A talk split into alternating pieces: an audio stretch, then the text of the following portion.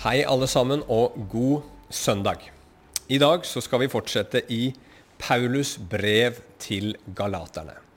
Og som dere kanskje har fått med dere, så er det et brev som Paulus skriver til en menighet som har kommet på avveie, eller en menighet som har spora av. Og hvordan har denne menigheten spora av? Jo, de har spora av ved å komme bort fra evangeliet, bort fra de gode nyhetene. Og I dagens tekst så skal vi se hvordan Paulus forsøker å få dem til å forstå hvordan de har spora av. Og så vil han vise dem hvilken frukt det bærer i livet deres, og selvsagt også hjelpe dem til å finne veien tilbake på sporet. Og Det blir også dagens punkter for oss. Vi skal snakke om hvordan vi sporer av, hva slags frukt det bærer i våre liv, og hvordan vi kan finne veien tilbake. Og Tittelen er 'Når livet sporer av og veien tilbake'. Så Vi skal lese i Galaterbrevet kapittel 4, vers 8-20. Der står det Men den gang da dere ikke kjente Gud, trellet dere under dem som av natur slett ikke er guder. Men nå, etter at dere har lært Gud å kjenne, og enda mer, etter at dere er kjent av Gud, hvordan kan dere da igjen vende dere til de svake og ynkelige maktene? Vil dere på ny trelle under dem? Dere holder nøye rede på dager og måneder og årstider og år. Jeg er redd for, for dere at jeg skulle ha strevd forgjeves med dere. Søsken, jeg formaner dere til å bli som meg, for jeg ble som dere. Dere har ikke gjort noen urett mot meg. Dere vet at det var på grunn av menneskelig svakhet jeg forkynte evangeliet for dere den første gangen. Og den prøvelsen som var knyttet til min kropp, verken foraktet eller forkastet dere, men dere tok imot meg som en Guds engel, ja, til og med som Kristus Jesus. Hva er det nå blitt av den velsignelsen deres? For det vitner jeg om dere, at dersom det var mulig, hadde dere revet ut deres egne øyne og gitt dem til meg. Er jeg da blitt deres fiende fordi jeg forteller dere sannheten? De lokket dere med stor iver, men det fører ikke til noe godt. Ja, de ønsker å skille dere ut for at dere skal være ivrige for dem. Men det er godt å være ivrig for det gode til enhver tid, og ikke bare når jeg er til stede hos dere. Mine små barn som jeg igjen har fødselsveer med, inntil Kristus får skikkelse i dere. Jeg vil gjerne være til stede hos dere nå, slik at jeg kunne forandre røsten min, for jeg har mine tvil om dere. La oss be sammen før vi begynner. Kjære himmelske Far, takker deg for ditt ord. Takk at det er levende, det er virkekraftig her, også gjennom en video. Også når menigheten ikke kan samles, så er kraften der allikevel. Og Herre, jeg ber for hver enkelt som lytter i dag, at uh, du skal gjøre det til levende i hjerten deres, at du skal åpenbare for dem hvor de er, og hjelpe dem til å komme til deg og videre med deg i Jesu navn. Amen. Da begynner vi med punkt nummer én hvordan vi sporer av. Når et tog sporer av, så mister det jo grepet med skinnegangen. Og konsekvensene kan bli store, og de kan bli alvorlige. Eh, og så er det også sånn med et avspora tog at det kommer seg jo ikke videre. For det er jo rett og slett i en situasjon det ikke ble laga for å takle. Det er laga for å gå på skinner, og utenfor skinnene så kommer det ingen vei. Det trenger hjelp utenfra, det må løftes tilbake på skinnene. Og det er på samme måte med våre liv. Du og jeg ble skapt, vi ble designa for å følge et spor. Og når vi sporer av, når vi forlater det sporet, så er det ødeleggende for oss, og så setter det oss fast. Vi kommer oss ikke videre. Og det er det som, her, det som har skjedd her i menigheten i Galatia. Men det er litt spesielle her at det har skjedd for andre gang. De var av sporet, så kom Paulus til dem, fikk dem på sporet, men nå, etter at Paulus har reist, så har de spora av igjen. Og Det som er veldig interessant her, det er at Paulus forklarer at de har spora av på en annen side enn den siden de opprinnelig var spora av på. Og så sier han at selv om det er to forskjellige måter å spore av på, så er det essensielt det samme. Hva er det han mener med det? Hvis vi ser helt i begynnelsen av eh, det vi nettopp leste, så minner Paulus disse galaterne om at de en gang var avgudsdyrkere, og at de slava under falske guder. Det var guder som bandt dem, det var guder som brøt dem ned. Og så nå, som de har kommet i tro på den sanne Gud og opplevd å bli sønner av Gud, satt fri, sånn som vi snakka om sist gang, så vil de nå vende tilbake til det samme slaveriet som de var i før. Og det her er opp, oppsiktsvekkende, fordi at vi vet fra det vi har lest så langt i Galaterbrevet, at de ikke vendte tilbake til sitt gamle liv. Det var ikke sånn at Galatermenigheten nå igjen begynte å dyrke Sefs og Hermes og Apollo og Artemis og alle de andre greske gudene, sånn som de hadde gjort før. Nei, de hadde i stedet for vendt, tilbake, vendt seg til en livsstil som veldig mange jøder på den tiden overholdt. Hvor omskjærelse var viktig, hvor de fulgte regler som hadde med høytider å gjøre, med hva de kunne spise, hva slags mennesker de kunne være sammen med, osv. osv. De hadde blitt veldig nøye på å følge det som sto i Det gamle testamentet. Det som på den tiden var de kristnes eneste bibel, siden Det nye testamentet ikke var skrevet ennå. Og hva sier Paulus til dem? Han sier at de har vendt tilbake til sitt gamle liv, hvor de slava under de svake og ynkelige maktene, eller grunnprinsippene, som en annen oversettelse sier det. Hva er det Paulus sier her? Jo, han sier at å være en hedning og avgudsdyrker er det samme er den samme måten å leve på som jødene levde på på den tiden, under Det gamle testamentets lov. Og hva i all verden mener Paulus med det? Hvordan er det mulig å forsvare det? Hva mener han med å leve under disse ynkelige og svake grunnprinsippene i denne verden? Jo, det, det, det, er sikkert mange måter man kan definere det på, men jeg tenker at den kanskje aller enkleste måten å definere det på, det er å ville være sin egen herre og frelser. Hva mener vi med å være sin egen herre? Jo, med herre så menes det som bestemmer og definerer livet mitt, hvem jeg er, hvordan jeg skal leve, og hva jeg dypest sett trenger. Med frelser så menes det som skal gjøre mitt liv helt og rett, som skal lede meg til den lykke og fred som alt i meg roper etter. Og alle mennesker i verden, om de er lovløse eller lovlydige, om de er hedninger eller jøder, så lenge de ikke har Jesus, så lever de som sin egen herre. De vil selv bestemme hva som er lykken for dem, og de lever som sin egen frelse. De vil selv få seg dit. Og Etter å ha vært en stund nå i Galaterbrevet, så slår det meg mer og mer at det er enormt viktig for oss kristne at vi forstår at frelse er mye mer enn bare det å en dag få lov til å komme til himmelen og leve der i all evighet. Det er en del av pakka, det skal vi på ingen måte underslå. Men himmelen er på en måte mer effekten av frelsen enn essensen i hva det er for noe. Som jeg har sagt mange ganger før, himmelen er himmelen fordi Gud er der. Ikke for at du skal leve evig, at det ikke er smerte eller sorg der. Og Derfor kan vi også se at de som forkynner evangeliet i f.eks. apostlenes gjerninger, de snakker ikke så enormt mye om himmelen, men de snakker og de forkynner hvordan vi kan komme i rett forhold til Gud. Det er essensen.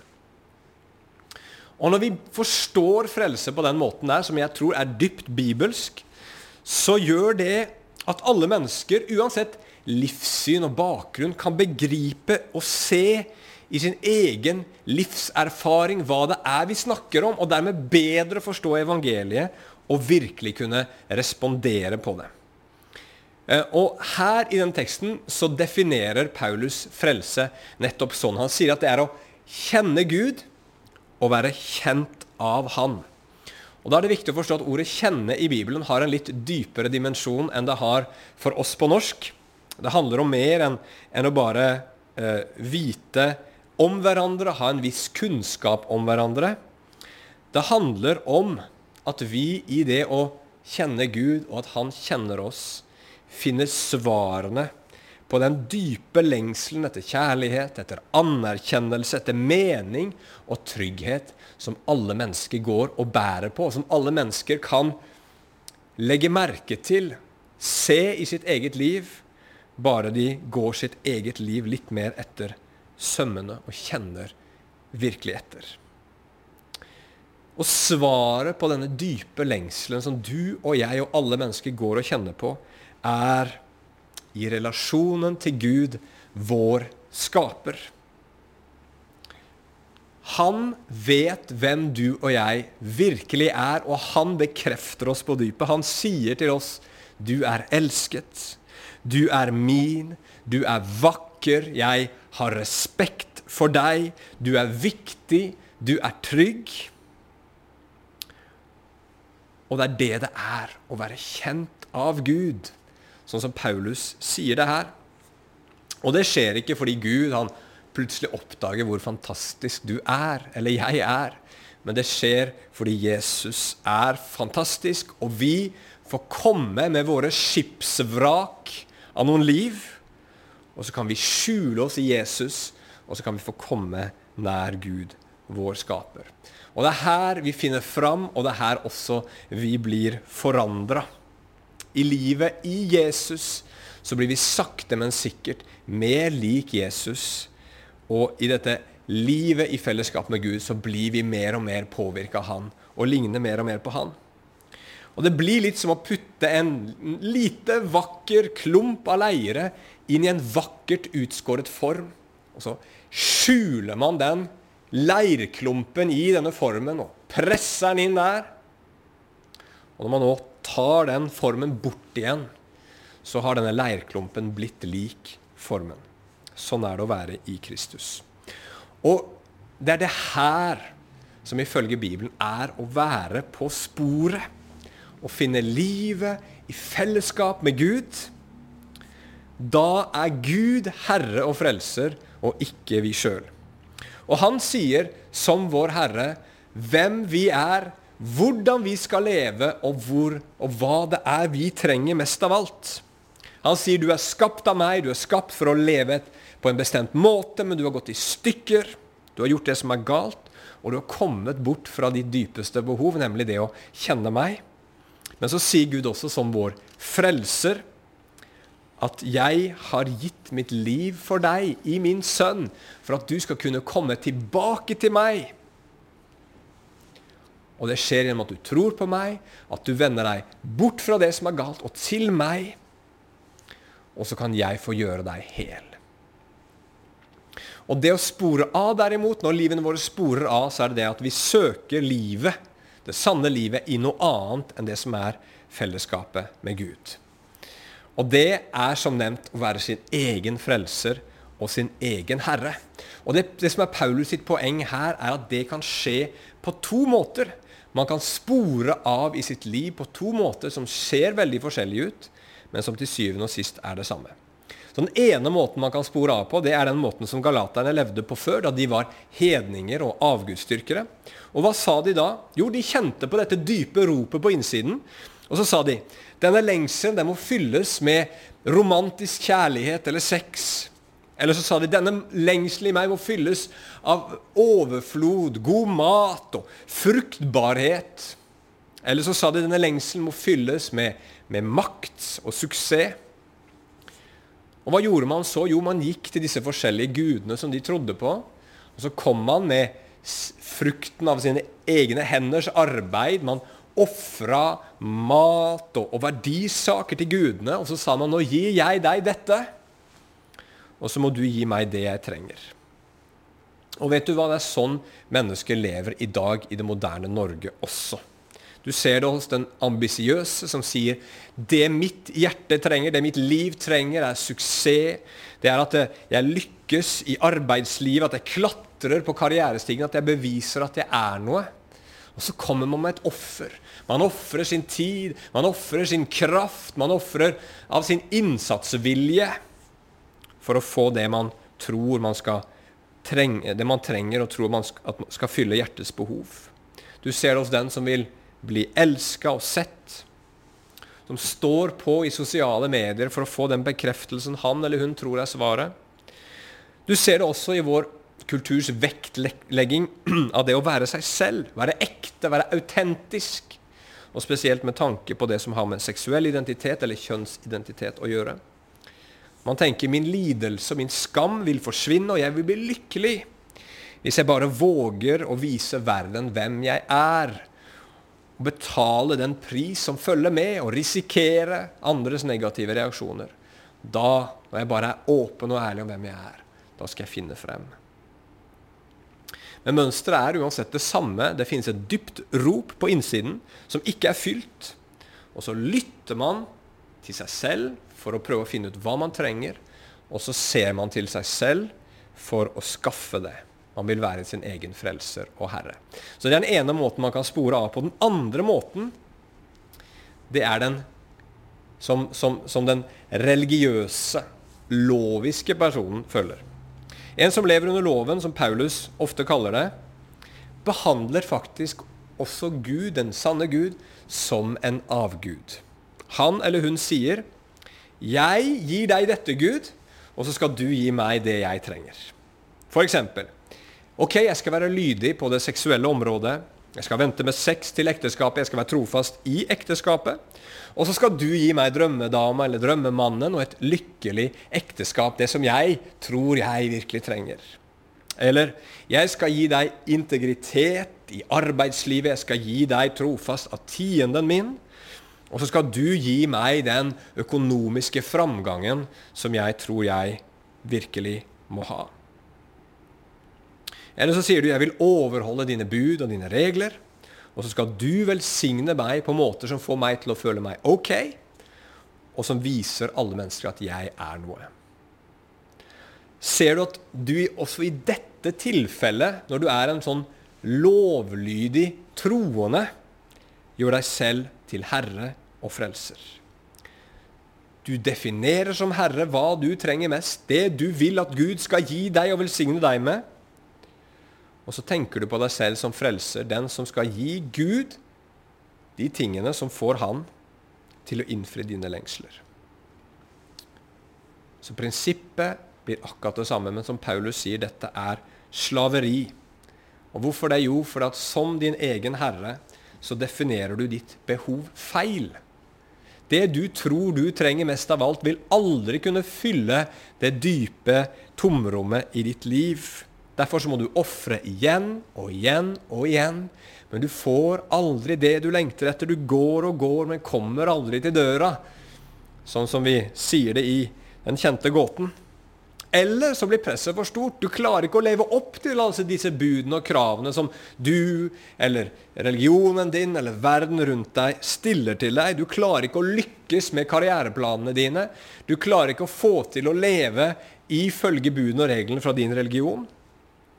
Og hva skjer da? Jo, da mister du jo håpet om å få det du lengta etter, og så vil du alltid være en slave under dette tapte håpet. Du, du, du, vil alltid hjem, hjemsøke deg og minne deg på hvor mislykka og utilstrekkelig du er, hvordan du hadde sjansen, men ikke levde opp.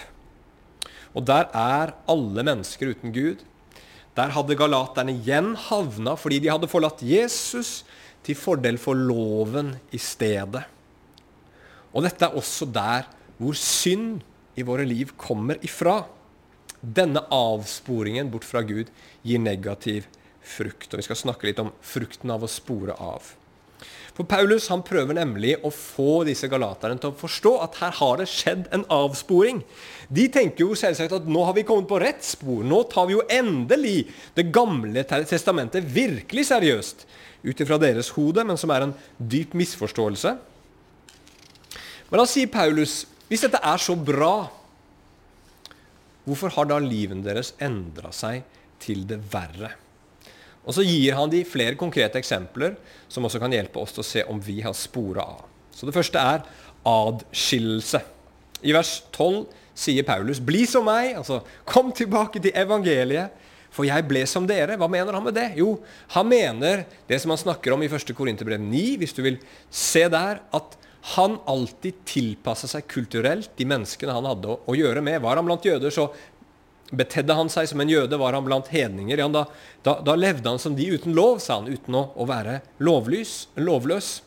Og det er det samme som Peter sier da han som jøde ble invitert til å komme på besøk hos Kornelius, en romersk offiser, en hedning. hvor han som jøde ikke kunne gå inn uten å gjøre seg uren. Så sier han men Gud har vist meg at ikke jeg skal kalle noe menneske urent. Og så blir han som dem, går inn og har fellesskap med dem. Men når du og jeg lever som vår egen herre og frelser, så blir det sånn at det blir grupper av mennesker vi ikke kan ha noe å gjøre med, og som vi ikke vil bli assosiert med.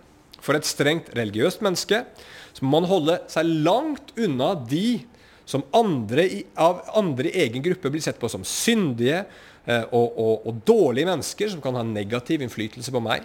Man må passe seg.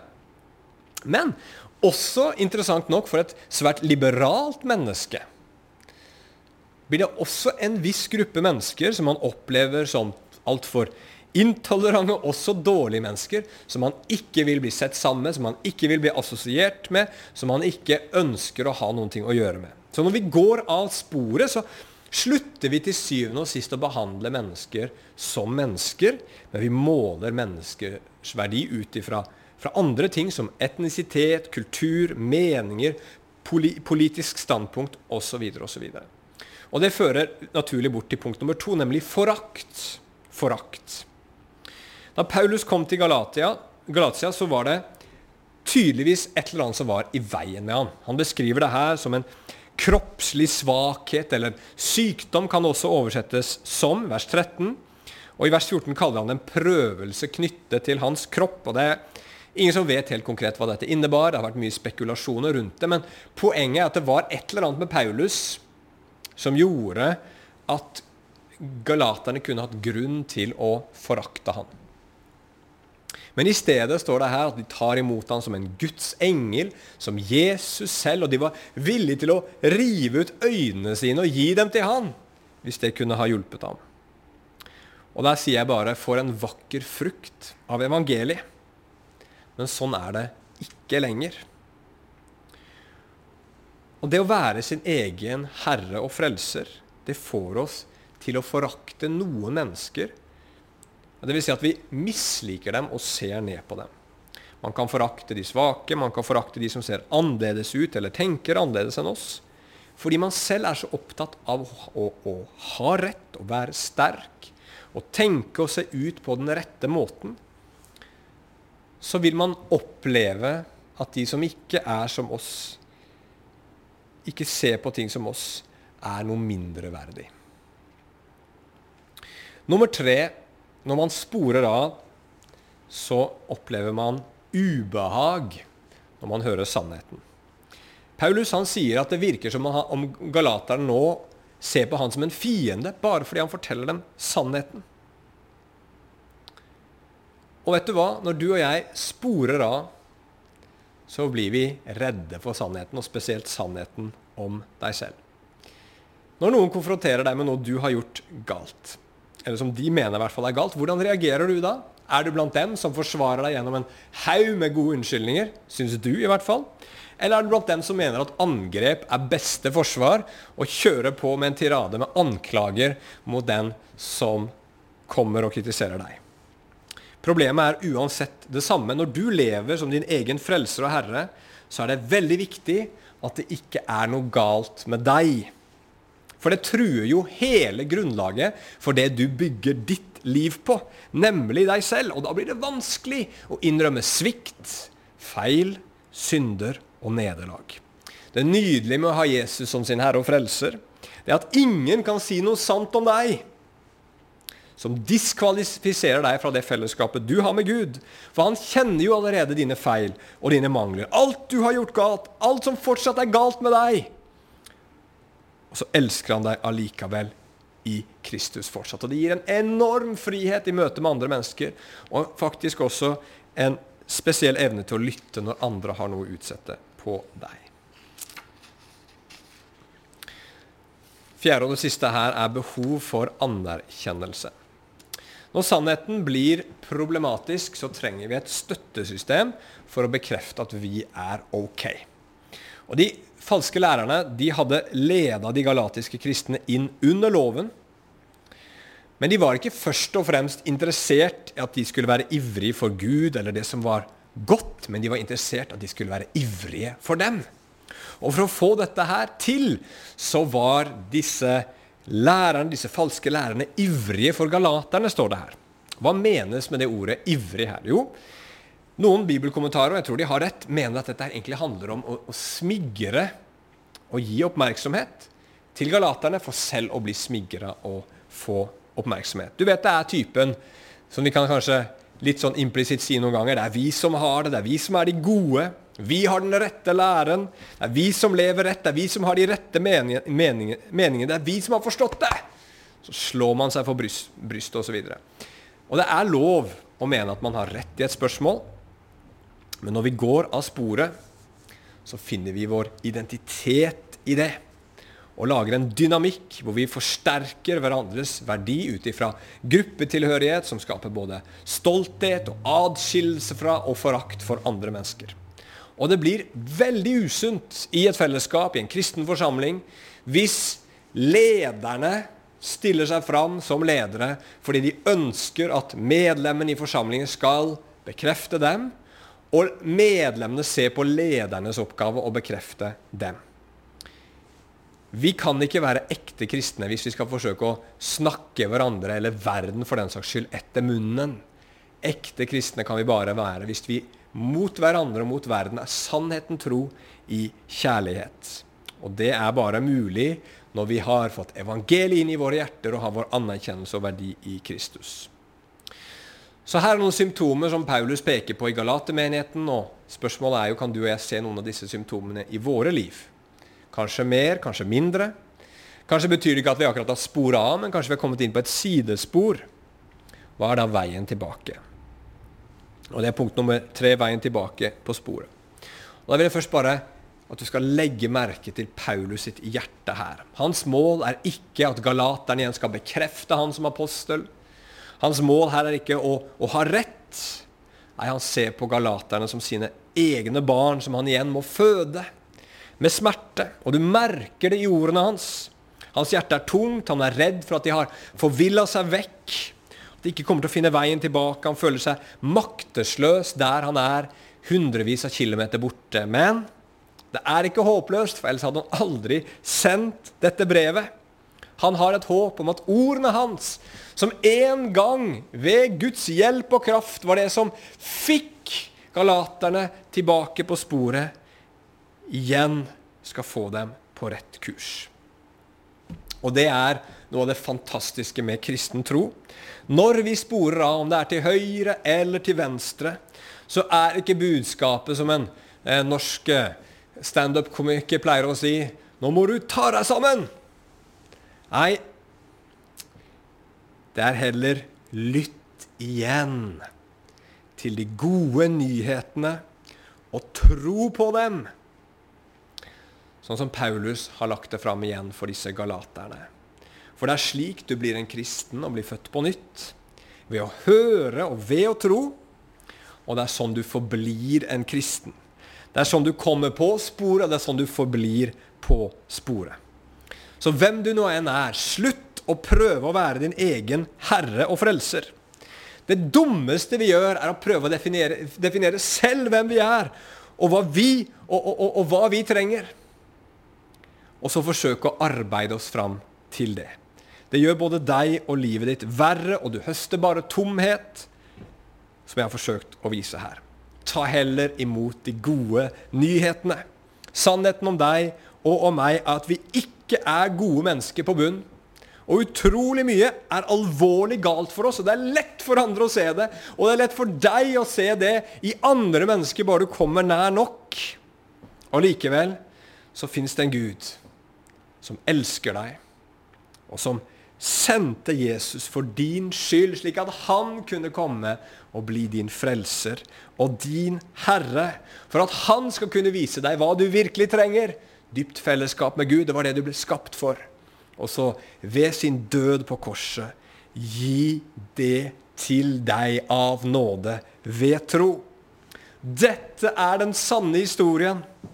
Og så lenge du lever i den og stoler på den, så vil du holde deg på sporet. Og så vil livet ditt bli mer og mer prega av varm kjærlighet og frimodig og kraftfull sannhet. skal vi be til slutt. Kjære himmelske Far.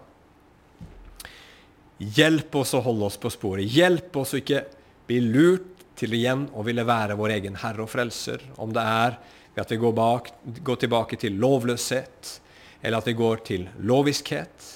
Men hjelp oss å leve i evangeliet, holde oss på sporet og holde oss på veien. Det ber vi om i Jesu navn. Amen.